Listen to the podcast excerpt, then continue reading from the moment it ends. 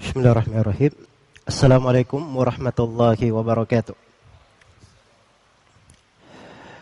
Innal hamdalillah nahmaduhu wa nasta'inuhu wa nastaghfiruh wa na'udzu billahi min shururi anfusina wa sayyiati a'malina.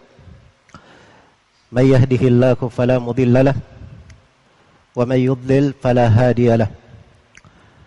Asyhadu an la ilaha illallah wahdahu la syarika lahu وأشهد أن محمدا عبده ورسوله. يا أيها الذين آمنوا اتقوا الله حق تقاته ولا تموتن إلا وأنتم مسلمون. يا أيها الناس اتقوا ربكم الذي خلقكم من نفس واحدة وخلق منها زوجها وبث منهما رجالا كثيرا ونساء واتقوا الله الذي تساءلون به والأرحام إن الله كان عليكم رقيبا. يا أيها الذين آمنوا اتقوا الله وقولوا قولا سديدا. يصلح لكم أعمالكم ويغفر لكم ذنوبكم ومن يطع الله ورسوله فقد فاز فوزا عظيما. أما بعد فإن أصدق الحديث كتاب الله وخير الهدي هدي محمد صلى الله عليه وسلم.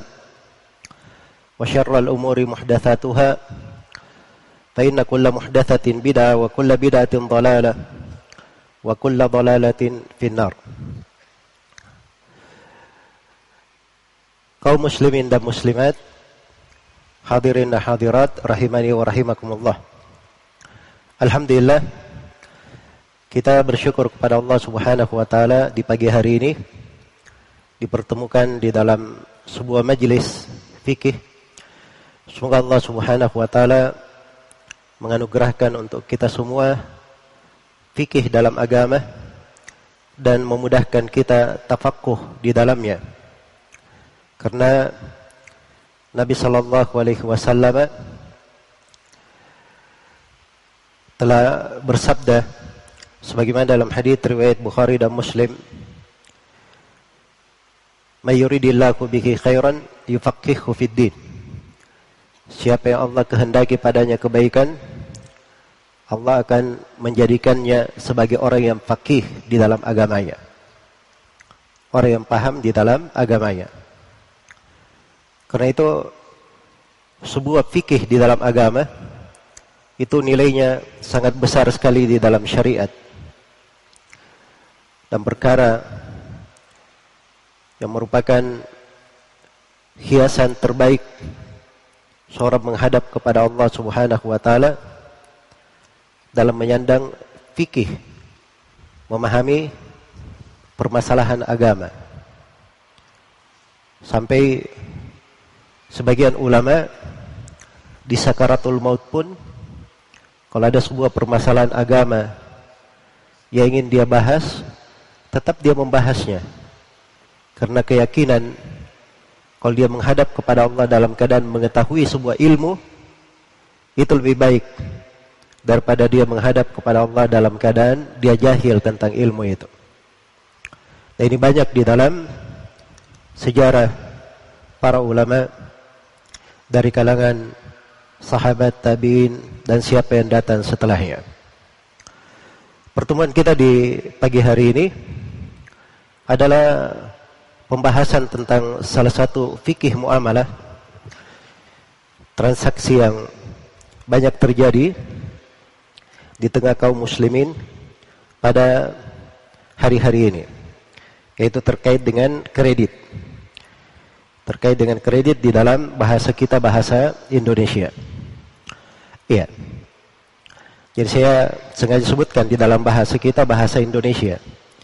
Karena kalau kredit itu di dalam bahasa Indonesia itu disebut di kamus bahasa Indonesia cara menjual barang dengan pembayaran tidak tunai. Pembayaran tidak tunai atau dengan cara diansur.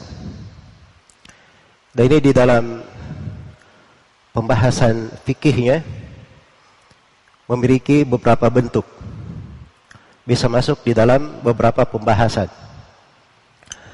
Itulah kedetailan pembahasan fikih. Jadi kadang sebuah transaksi jual beli bentuknya mirip atau penamaannya sama. Dikatakan ini kredit, dibayar secara beransur. Tetapi di dalam fikih itu ada beberapa bentuk dan ada beberapa hukum. Ada beberapa hukum. Sama kita dalam bahasa Indonesia misalnya, saya meminjam. Kata pinjaman. Kata pinjaman itu ada beberapa mana. Dia kadang masuk di pembahasan kredit, kadang masuk di dalam bahasa al-qard. Dia meminjam sesuatu untuk dia manfaatkan sesuatu itu, lalu dia balikkan yang semisal dengannya. Apakah dia balikkan ainnya atau kimahnya, nilainya. Atau pinjaman bisa bermana dia pinjam sesuatu artinya dia manfaatkan manfaatnya lalu dia balikkan barang orang. Itu kan banyak bentuk, tapi di dalam di dalam bahasa Indonesia namanya apa? Namanya pinjaman. Tapi di pembahasan fikihnya Mungkin dia masuk di berbagai bab pembahasan. Sama di pembahasan kredit di sini. Kredit itu banyak bentuknya. Banyak bentuknya. Cuman saya ingin di pertemuan ringkas ini, waktu kita juga singkat ya. Nah kira-kira cuman sekitar satu jaman ya. Sampai sholat duhur. Pada duhur tanya jawab. Iya. Ada enam bentuk kredit yang ingin saya terangkan di pertemuan ini. Satu namanya BU taksid. B at-taksid. Dua namanya Bay'ul Ina. Yang ketiga namanya Bay at-Tawarruk. Yang keempat namanya Bay'ul Murabaha lil Amir bisyara. Yang kelima namanya al-ijar al-muntahi bit tamalluk atau al-muntahi bil bait. Kemudian yang keenam namanya istisna. Namanya istisna. Jadi ini enam pembahasan di pembahasan fikih.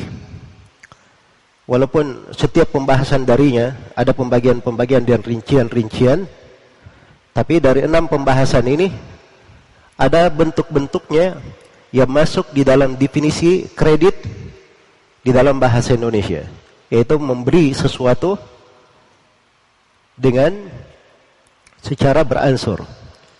Jadi bedanya itu tampak bentuk-bentuk perbedaan. Misalnya saya gambarkan ya penggambaran yang sederhana. Sebelum kita masuk dalam rincian. BU taksid yang pertama itu itu transaksi jual beli antara dua orang. Iya. Ini menjual barangnya secara beransur. Barang ini saya jual dengan harga 12 juta dilunasi selama setahun. Iya. Itu BU taksid. Kalau BU lina itu transaksi antara dua orang. Saya beli barang kepada si A sebuah motor. Harganya 12 juta. Dengan akad saya ansur selama setahun. Sejuta sejuta. Jelas ya? Satu juta satu juta. Iya. Si A setelah itu dia tahu bahwa saya ini tidak menginginkan barang. Saya pengen duit. Saya beli barang ini untuk saya jual. Saya perlu modal. Maka si A dia berkata kepada saya setelah selesai akad sewa, akad kredit dengannya, dia bilang kepada saya, sudah begini saya, motor itu sini saya beli cash 10 juta. Saya beli cash berapa? 10 juta. Nah, ini kredit juga, tapi inah namanya. Kalau tawarruk, dia ada beberapa bentuk. Salah satu bentuknya, dia jual, saya beli motor itu atau beli motor dari si A dengan beransur, kemudian saya jual kepada pihak ketiga. Bukan saya jual kepada si A. Jelas ya? Nah, ini masalah itu tawarruk namanya. Kemudian yang keempat ada namanya al-bay al-murabah lil amir bisyara. Saya pengen sebuah motor di dealer sana. Saya tidak punya duit untuk membelinya. Maka saya cari investor, cari orang, cari kawan, cari perusahaan atau apa saja namanya. Saya minta tolong belikan motor itu. Nanti saya cicil dari kamu. Saya cicil dari kamu. Ini masuk di jenis yang keempat. Bay al-murabah lil amiri bisyara. Yang kelima ada namanya al-ijar al-muntahi bit tamalluk atau bil bay. Jadi konteksnya kelihatannya nyewa. Dan ini umumnya kalau sekarang ini kebanyakannya dipakai untuk alat-alat berat. Untuk alat-alat berat. Sebuah perusahaan misalnya dia sewa pembangkit tenaga listrik misalnya. Harganya mahal kalau di kalau dibeli cash. Tapi dia bisa cicil per bulan perusahaan ini. Maka oleh pihak penjual dia katakan ya sudah, kamu cicil selama 10 tahun, begitu genap cicilan 10 tahun, barang itu menjadi milik kamu. Barang itu menjadi milik kamu. Apakah langsung jadi milik atau saya buat akad jual beli denganmu setelahnya. Jelas ya? Ini kalau di sudut ini beransur juga. Walaupun bentuknya bahasanya adalah bahasa apa? Menyewa. Iya. Kemudian ke sudah berapa tadi? Lima. Berarti yang keenam istisna. Istisna saya ingin sebuah barang belum ada. Saya pengen rumah misalnya. Saya tidak punya duit. Ada si fulan, dia kontraktor, punya duit juga. Saya bilang sebulan, tolong buatkan saya rumah. Iya. Kamu buat rumah itu, nanti rumah tersebut saya lunasi. Saya bayar setelah engkau membuatnya. Setelah engkau membuatnya. Nah, ini namanya istisna. Jelas ya? Nah ini enam bentuk yang saya sebutkan. Ada yang boleh, ada yang tidak diperbolehkan. Ada yang boleh dan ada yang tidak diperbolehkan. Makanya saya itu kalau ditanya, Ustadz apa hukum kredit? Ya Masya Allah ya pertanyaan antum, ya cuma tiga kata, apa hukum kredit? Tapi jawabannya, anda sudah lihat tadi rinciannya, panjang. Iya. Kredit bagaimana? Biasanya saya tanya, kredit bagaimana? Datangkan bentuknya, baru saya mungkin bisa bantu untuk menjawabnya. Jelas ya? Baik, untuk masuk ke dalam enam hal ini, saya ingin memberikan beberapa kaidah di pembahasan fikih. Ya, karena tidak mungkin saya masuk langsung ya menjelaskan perkara-perkara tanpa saya berikan pendahuluan-pendahuluan terkait dengan kaidah-kaidah fikih. Kaidah yang pertama, saya beri kaidah-kaidah pokok ya, yang penting yang merupakan perputaran di pembahasan-pembahasan yang seperti ini. Kaidah yang pertama, al-aslu fil muamalah al-ibahah. Asalnya di dalam muamalah itu adalah ibahah. Adalah boleh. Adalah boleh. Iya. Misalnya dalam jual beli, dalam muamalah dan transaksi asalnya boleh. Asalnya boleh. Karena Allah Subhanahu wa taala berfirman, "Wa ahallallahu al-bai' wa harrama ar-riba." Allah menghalalkan al-bai. Allah menghalalkan jual beli. Allah Subhanahu wa taala berfirman, "Ya ayyuhalladzina amanu aufu bil uqud." Wahai orang-orang yang beriman, tunaikanlah akad-akad. Jadi asalnya kalau dia bikin akad tunaikan. Karena asalnya boleh. Asalnya boleh. Kecuali kalau ada dalil yang menjelaskan tentang haramnya. Kalau ada dalil yang menunjukkan tentang apa? Tentang haramnya. Iya. Karena itu kalau seorang bertransaksi di dalam sebuah muamalah, pada dasarnya kalau dia dalam perkara yang wajar, lumrah, sesuai dengan konsep dan kaidah-kaidah di pembahasan jual beli, sesuai dengan apa namanya ketentuan-ketentuan umum yang merupakan prinsip-prinsip perekonomian Islam, maka asalnya itu adalah boleh, tidak ada masalah. Tidak ada masalah. Nah ini kaidah besar ya. kaidah penting ini kita perlukan di beberapa pembahasan kita yang akan yang akan datang. Iya. Kalau ada yang bertanya, Ustaz apa hukumnya? Saya menjadi perantara. Orang yang punya keperluan misalnya di kantor kelurahan, dia punya keperluan di urusan pemerintahan. Saya ambil surat-suratnya, berkatnya, saya pergi urus semua keperluannya dan saya minta upah untuk hal itu. Boleh atau tidak? Ya, ini disebut dengan nama masalah ta'aqib. Ya, dan ini asalnya boleh. Ustaz apa hukumnya? Saya menjual barang. Saya katakan kepada kawan saya, ini barang saya, modal saya 10 juta. Saya pengen untung 2 juta. Silahkan kamu jualkan. Ini di istilah fikih disebut bayul murabaha. Iya. Nah, ini dibolehkan oleh mayoritas ulama sebagian menukil kesepakatan. Jelas ya? Ustaz apa hukumnya? Saya berkata kepada kawan saya, ini barang saya modalnya 10 juta. Jual berapa saja, terserah kamu.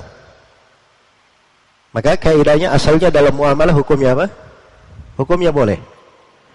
Baik. Ustaz apa hukumnya? Itu disebut dengan nama be'ut tauliyah dalam istilah fikihnya.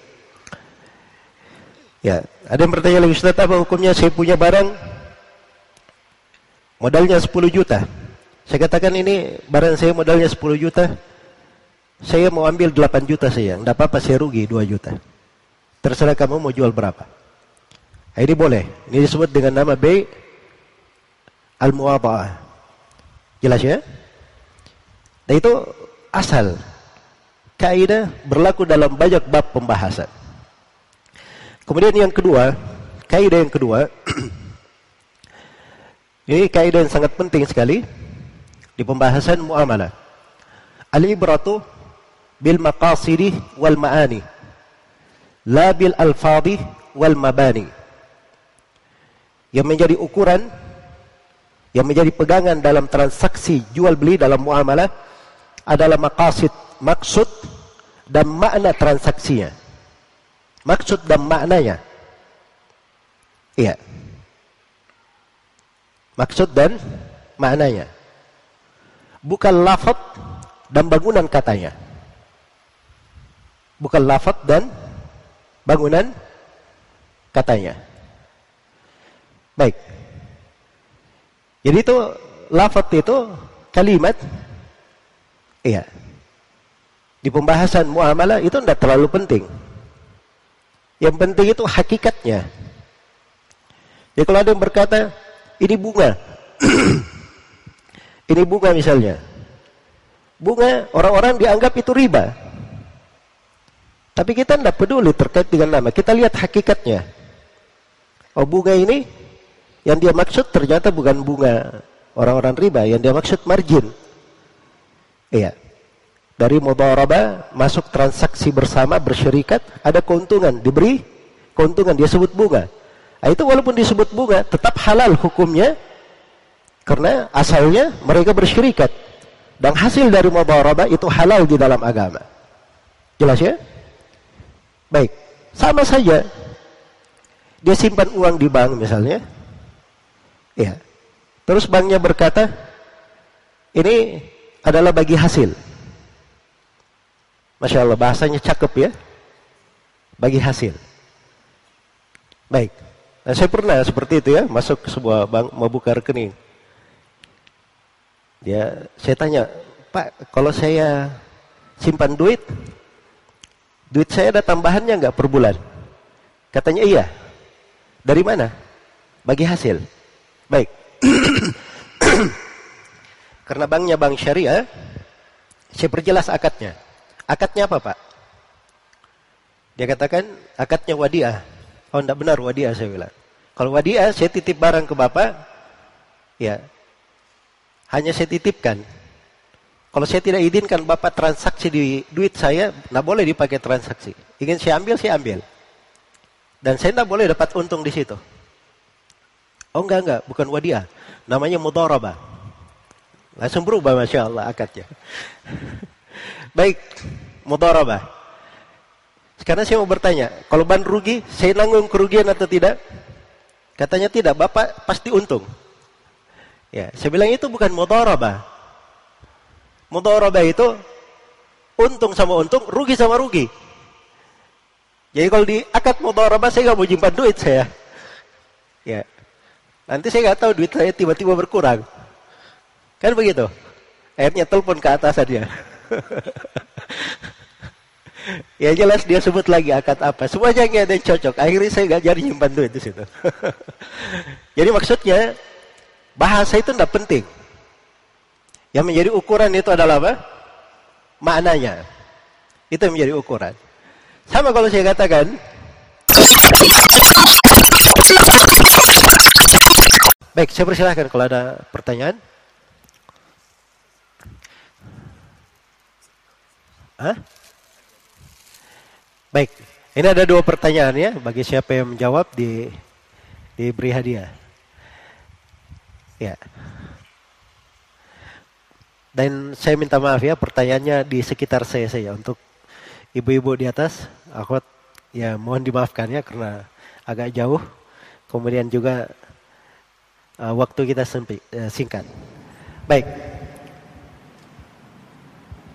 Siapa yang bisa menyebutkan enam bentuk kredit yang kita terangkan barusan. Silakan. Uh, yang pertama bayu taksid. Bayu taksid. Yang kedua bayu inah. Bayu inah. Yang ketiga uh, bayu uh, tawaruk. Bayu tawaruk. Yang keempat uh, murabahah. Bayu murabahah lil amiri bisyara. Iya. Yang kelima uh, jual uh, jual beli maksudnya itu sewa yang berakhir dengan kepemilikan. Ya, al ijar al muntahi bitablik atau al bai. Ah. Yang ke uh, yang keenam itu uh, jual beli apa? Bai'ul um, sebentar, sebentar. Uh, istisna. istisna atau satunya lagi itu apa Baik. namanya? Sudah, sudah benar. Silakan. Jazakallah khair. Baik, saya ingin menyebutkan uh, siapa yang bisa menyebutkan apa perbedaan hukum antara beul ina dan beul tawarruk? Perbedaan hukumnya.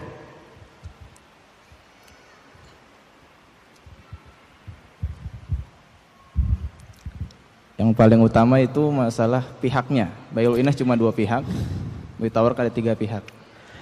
Kalau beli ina pada dua pihak. Kalau beli tawarruk ada tiga. Ada pihak ketiga. Terus kalau beli ina boleh atau tidak? Tidak boleh. Kalau tawarruk? Boleh. Boleh menurut pendapat yang lebih kuat. Baik, sekarang ya.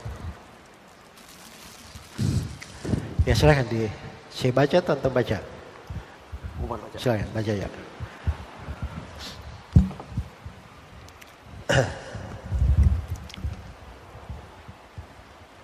Baik, kita baca pertanyaan yang khusus mengenai fikih muamalah saja. Yang pertama Ustadz, pertanyaannya bagaimana hukum mengubah kesepakatan akad? Karena sudah mampu. Pertama beli rumah dengan mencicil, setelah mampu merubah jadi bayar cash. Ya. Bagus dia sebut contohnya ya. Kalau dia baca merubah kesepakatan saya, nanti saya nggak bisa jawab. Bentuknya bagaimana? Ya, merubah kesepakatan itu banyak. Ya, ada yang dibolehkan, ada yang tidak dibolehkan. Tapi kalau seperti itu tadi, dia asalnya akan cicil ya. Ya. Dia rubah kesepakatan, berubah menjadi apa? Dia selesaikan langsung sebelum, misalnya ini akan satu tahun. Baru enam bulan dia sudah beresin semuanya. Terus dia minta, biasanya dia minta kepada pihak pemodal supaya dikurangi harganya. Ya kan? Sebab harga yang ada itu harga kalau dia bayar sampai satu tahun. Ini baru enam bulan dia bayar. Apakah itu boleh atau tidak? Jawabannya itu boleh menurut pendapat yang lebih kuat. Itu ada satu masalah di pembahasan riba namanya ba' wa ta'ajjal. Turunkan sebagian harga dan bayar cepat. Itu ada silam pendapat yang benarnya itu boleh. Dan itu dari bentuk sama-sama meringankan. Karena dasarnya ada waktu itu, ada waktu dan ada tambahan harga itu seimbang ya. Harganya lebih daripada cash karena ada tambahan waktu. Ada diberi waktu luang. Jadi si pembeli memang dia agak rugi dari sudut harga agak tinggi, tapi si penjual dia rugi karena dia beri waktu luang.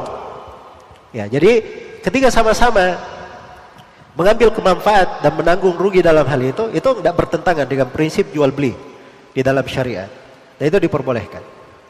Ya, berikutnya Ustadz, bagaimana hukum meminjam uang asing? Bila saat meminjam 100 dolar, harga rupiah 13 ribu. Jadi meminjam 1 juta 300 ribu. Saat mengembalikan 100 dolar, harga rupiah 14 ribu. Jadi pengembalian 1 juta 400 ribu. Terdapat selisih, bagaimana hukumnya Ustadz? Dia kembalikan dengan mata uang yang dia pinjam. Kalau dia pinjam dolar, dia kembalikan dalam bentuk dolar. Dia pinjam rupiah, dia kembalikan dalam bentuk rupiah. Jelas ya? Itu yang paling adilnya. Itu yang paling adilnya. Ya kalau saya pinjam 100 dolar, maka saya kembalikan 100 dolar. Saya tidak punya 100 dolar, begitu mau mengembalikan, maka saya hitung harga 100 dolar di hari itu. Karena terjadi sorf. Dan sorf itu disyaratkan di hari itu, tidak boleh di hari sebelumnya. Kalau tidak masuk di dalam pembahasan riba. Jelas ya? Baik. Iya, berikutnya Ustadz. Tentang solusi permodalan umroh. Dengan uang muka 5 juta langsung berangkat. Maka sisa pembayaran dicicil setelah pulang di Indonesia. Apakah hal itu diperbolehkan dalam syariat dan bagaimana kiat-kiatnya dalam mencicil tersebut agar terhindar dari pelanggaran syariat? Ini saya nggak tahu bagaimana bentuknya harus diterangkan oleh penanya bentuk yang dia lakukan bagaimana. Iya. Ketika dia melebihkan harga itu kelebihan harga itu atas dasar apa? Bentuk akadnya apa? Nah, itu semuanya berpengaruh ya dan saya tidak bisa menjawab kalau itu tidak diterangkan. Ya wallahu taala alam. Iya. Pertanyaan berikutnya dua pertanyaan tentang tukar menukar emas.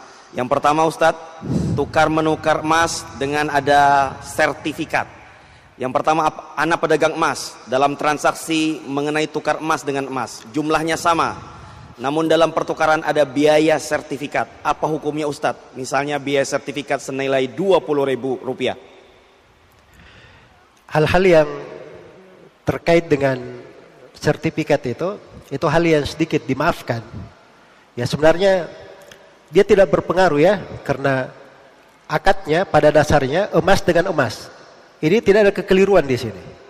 Terkait dengan sertifikat itu, kalau itu perkara yang lumrah biasa di tengah manusia, maka itu tidak ada masalah insyaallah taala. Nah. Yang berikutnya Ustadz, kalau dikenakan biaya potongan. Jadi anak tukar gelang emas 10 gram dengan gelang emas juga 10 gram. Namun ada bayar tambahan 100 ribu dikarenakan terkena biaya potongan per 1 gram 10 ribu rupiah. Oh itu nggak boleh ya masuk itu tidak sama namanya. Disyaratkan kalau emas dengan emas, dua barang ribawi, satu illah, satu jenis, disyaratkan dua syarat. At-tamathul wa taqabud. Harus sama dan saling cash. Jadi kapan ada pelebihan walaupun 100 ribu, itu masuk dalam riba. Ya, lanjut dua pertanyaan tentang kartu kredit. Yang pertama Ustadz, bagaimana bila ada bank syariah memberikan kartu kredit dengan rincian tidak berbunga yang kedua, tidak memberi denda keterlambatan bayar cicilan. Hanya biaya bila terlambat bayar cicilan akan dikenakan biaya tambahan yang jumlahnya tetap. Apakah kredit dengan cara ini diperbolehkan atau tidak? Bagaimana caranya? Kalau terlambat dibayarkan akan dikenakan biaya bulanan yang jumlahnya tetap. Dasarnya biaya bulanan itu apa? Tidak disebutkan. Nah itu tambahan sebenarnya. Ya. Jelas ya? Itu tambahan. Cuma itu tadi saya bilang, Jangan terpengaruh dengan kalimat-kalimat hakikatnya. Ya. Dia pakai kartu kredit, ngambil 10 juta. Katanya tidak ada bunga. Baik, bunga itu istilah ya. Tapi ada biaya tambahan bulanan, sama saja. Mau disebut bunga, biaya tambahan sama saja. Itu masuk dalam riba. Dan itu tidak diperbolehkan. Baik. Ya. Yang berikutnya Ustaz. Saya bekerja di perusahaan kredit syariah tanpa riba untuk membantu umat Islam membutuhkan agar tidak terjerumus dalam riba. Nah, saya bekerja sama dengan sebuah bank syariat dengan MOU perjanjian itu satu, murni jual beli. Dua, menghilangkan bunga, denda, sita, penalti. Tiga, menghilangkan asuransi. Dan alhamdulillah bank syariat itu sepakat dengan MOU kami. Pertanyaannya, bagaimana boleh kita kerjasama dengan bank syariah tersebut dengan riba yang sudah dihapus tersebut? Jadi bank syariah itu jangan tuh sentimen ya ke bank syariah. Iya. Walaupun hakikatnya orang yang masuk di yang nama-nama syariah itu ada tiga orang. Ada satu dia betul mau syariah, betul. Dia mau syariah. Iya. Yang kedua mau untung saja. Syariah cuma label. Syariah cuma apa? Cuma label. Dan yang ketiga, dia murni bisnis. Dia murni untuk apa? Bisnis. Ya, dia masuk di dalam syariat dia ikuti peraturan, tapi dia kalau yang pertama dasar syariat memang karena dianggap bahwa itu adalah hal yang bagus membangun perekonomian meninggal riba, meninggalkan riba itu adalah ibadah. Kalau ini tidak murni bisnis. Ya. Jenis yang pertama niatnya bagus tetapi kadang ada peraturan-peraturan yang tidak mendukung satu. Dan yang kedua, kadang dia di dalam permasalahan menekuni jalan syariat itu sendiri, dia kurang memahaminya sehingga jatuh di dalam kekeliruan-kekeliruan. Makanya seperti ini masih bagus ya. Kalau ada itu harusnya dibantu untuk diluruskan. Tapi kalau jenis yang kedua ini, nah ini memang jenis yang kedua dan ketiga ini, ini memang orang-orang cari keuntungan. Ya, Apalagi jenis yang kedua itu. Asalnya memang dia tidak ada ini dengan syariat. Karena dia lihat bank syariat lagi ngetren. Setiap bank ada syariatnya. Maka bank yang tadinya memang konvensional tiba-tiba ada nama syariatnya yang lain. Ya. Agar supaya memperhalus saya. Jangan sampai kita ini terlalu dianggap sekuler oleh orang-orang. Ya. Jelas ya? Nah, ini yang berbahaya yang seperti ini sebenarnya. Ya karena itu kita ketemukan dari sejumlah bambang dengan lebar syariah itu tadi itu melakukan praktek-praktek ya mencari tikungan. Jadi paling jago itu kalau ada fatwa keluar dari Dewan Syariah Nasional, fatwanya bagus. Tapi masya Allah, jago sekali cari tikungan di fatwa itu. Nah, ini tidak benar ya, karena memang asalnya mereka tidak ada fikih di situ, juga tidak ada etikat yang baik dari sudut ibadah dan keimanan dia masuk akhirnya jatuh dalam kekeliruan-keliruan. Ala kulihal. Pada apa yang ditanyakan tadi, kalau dia misalnya transaksi pada murni perkara yang halal dan orang yang dia transaksi dengannya hartanya bercampur, ya hartanya bercampur, maka dia ambil dari orang tersebut pada hal yang jelas kehalalannya untuk dia transaksi di situ. Karena ini masuk dalam syarikat. Dia bersyarikat namanya di situ. Jelas ya? Dia bersyarikat. Kecuali kalau dia beda, dia antara dua tadi beda, beda perusahaan, cuman ini memberikan modal, nah itu insya Allah taala tidak ada masalah karena dia sama dengan bentuk saya sekarang ada orang A misalnya, A ini punya harta halal, punya harta haram. Dia bantu saya dengan modal. Boleh atau tidak? Eh? Jawabannya boleh. Nabi Shallallahu Alaihi Wasallam mengambil beberapa sok gandum dari orang Yahudi. Beliau gadaikan baju besinya. Orang Yahudi disebut dalam Al-Quran memakan riba, memakan harta manusia dengan cara yang batil. Jelas ya? Bersamaan dengan itu Nabi transaksi dengan mereka. Maka itu gak ada masalah. Jadi sepanjang yang masuk ke dia itu adalah harta yang bercampur, maka itu tidak ada masalah. Tapi kalau dia memilih harta yang dia minta dari harta yang dipastikan tidak ada jenis riba indah itu, maka itu nggak ada masalah. Tapi ini harus dia dia apa namanya? Harus dia paham peraturan-peraturan agama ya, sehingga kalau dia bicara dengan misalnya ada item tertentu di bank syariah, item tertentu ini contoh misalnya item di di kartu kredit saya itu sampai sekarang saya belum pernah tahu ada kartu kredit itu sesuai dengan syari. Ya, sesuai dengan syari. Dia item kartu kredit misalnya, dia lihat di sini ada pelanggaran. Oh dia bilang saya ambil modal tapi jangan dari item kartu kredit dari bentuk yang lain saya. Itu nggak ada masalah. Insyaallah taala. Wallahu taala alam. Ya, berikutnya Ustadz. Saya bekerja dengan gaji dibayar pakai dolar. Dalam masalah money changer atau pertukaran uang, apakah termasuk riba jika kita memiliki uang dolar yang kita tukar dengan rupiah? Namun dalam di tempat pertukaran itu tidak akan dibayar atau ditukar sesuai dengan kurs yang sebenarnya karena mereka akan memotong persenan pada tiap dolarnya. Bagaimana hukumnya Ustaz? Itu terkait dengan masalah surf ya. Dia di al-musarafa ketika dia menukar dolar ke rupiah itu boleh saja dan boleh tidak sama nilainya. Satu syarat yang disyaratkan harus cash pada saat itu juga. Saling pegang. Saling pegang. Jelas ya? Jadi kalau misalnya dia punya dolar, orang di sana tidak ada duitnya cash rupiah tapi dia transfer, maka dia tunggu transfer dulu baru saya serahkan dolarku. Sebab transfer itu bentuk takabut sebenarnya untuk masa sekarang. Bentuk dari saling cash, tapi dia harus dalam satu majelis, tidak terpisah supaya tidak masuk di dalam riba nasiah. Itu saja yang disyaratkan. Semoga Allah beri taufik kepada semuanya. Ya, berikutnya Ustaz. Saya dapat pinjaman dari teman, modal untuk usaha 5 juta rupiah. Selama belum lunas, 5 juta itu saya bagi fee usaha kepada teman sebesar 2,5% dari 5 juta tersebut. Setelah 5 juta tersebut lunas, saya tidak memberi fee lagi kepada teman saya itu.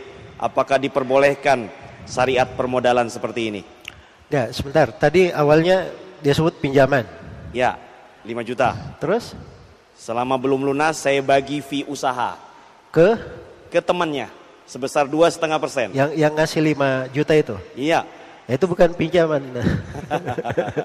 Iya ini bahasa. Jadi sekarang dia harus perjelas. Kalau dia pinjaman, pinjaman itu kapan dia bagi minta bagi hasil, nah itu dia harus perjelas akadnya.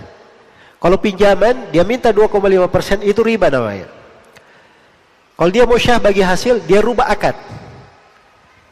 Jangan dianggap itu pinjaman, tapi dianggap itu modal. Dia masuk dalam usaha, mudharaba, syirkah di bersyirikat. Tapi ingat kalau persyirikatan untung sama untung, rugi sama rugi sama rugi. Jelas ya? Terus bukan 2,5 persen saja yang dia dapat.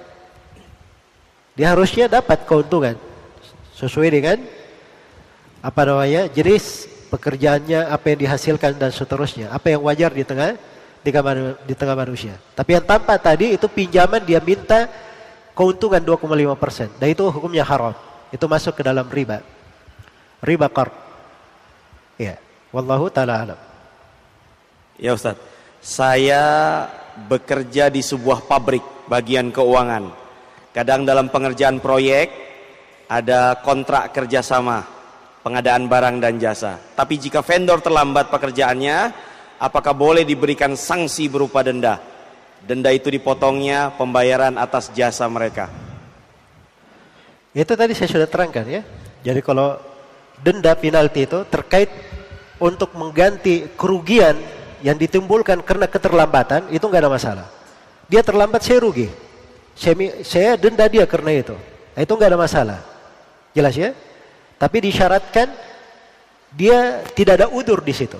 Kalau ada udur secara syar'i maka udurnya diterima. Berikutnya Ustaz, seorang developer properti.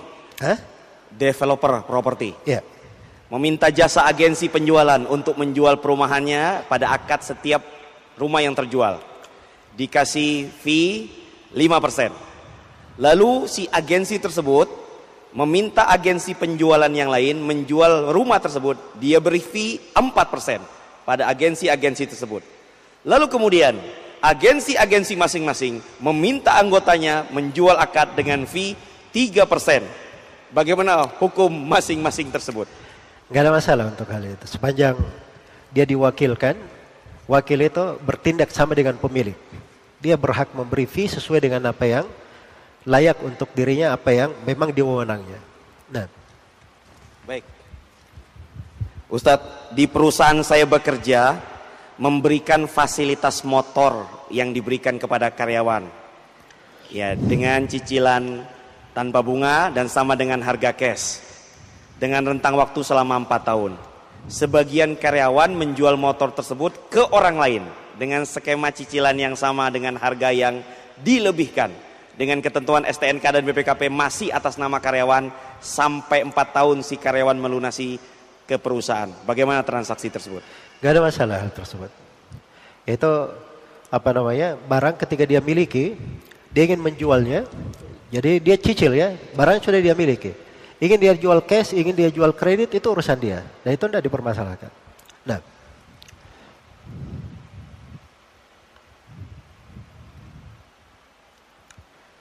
Ini Ustaz, bagaimana hukum tukar tambah barang bekas dengan barang baru?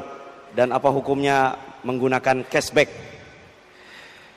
Barang bekas dengan barang baru itu boleh saja ditukar sepanjang dia tidak masuk di dalam barang ribawi. Kalau masuk di dalam barang ribawi ada hukum riba.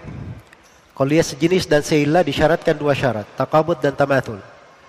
Kalau dia cuman apa namanya satu ilah tapi beda jenis disyaratkan satu syarat. Disyaratkan takabut. Kalau dia beda jenis dan ilah atau barang ribawi dengan selain barang ribawi, maka dia bebas untuk tukar menukar. Saya tidak tahu barang yang ditanyakan barang apa. Adapun cashback itu bentuk dari hadiah. Motifnya apa? Dia beri hadiah. Hadiah itu pembahasan tersendiri. Banyak hukum-hukum di dalamnya. Dan saya tidak bisa menjelaskannya, tidak bisa menjawab untuk pertanyaan global seperti itu. Ya. Ya, berikutnya Ustadz. Penjual sedikit dengan penjual partai besar.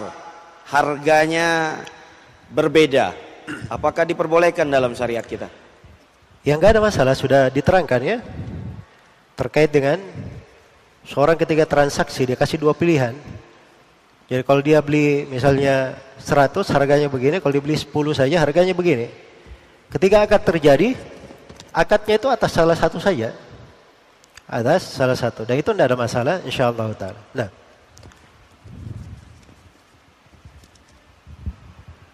Ini sepertinya pertanyaan banyak diberikan tentang hukum diskon dalam GoPay Ustaz. Mohon di, hukum diskon dalam GoPay. Mungkin mudah-mudahan diskon dalam GoPay. Ya. Ini sudah jemput merek antum ya. Saya sebenarnya tuh nggak senang ditanya ada merek-merek yang disebut. Ya, dan ini masalah-masalah transaksi online seperti aplikasi itu banyak yang harus diterangkan dulu. Saya tidak ingin memberi jawaban ya tanpa seorang itu memahami kaidah-kaidah dalam pembahasan. Jadi transaksi dalam aplikasi-aplikasi yang seperti itu, itu ada beberapa hal yang perlu diterangkan.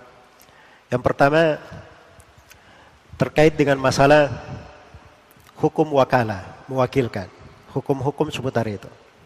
Kemudian yang kedua terkait dengan masalah rekening elektronik rekening virtual. Iya. Ini ada hukum tersendiri yang perlu diterangkan.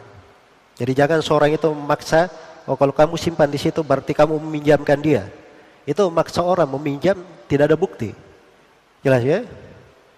Rekening virtual itu ada hukum tersendiri, dia kayak rekening sendiri, itu perlu diberi rincian. Ya.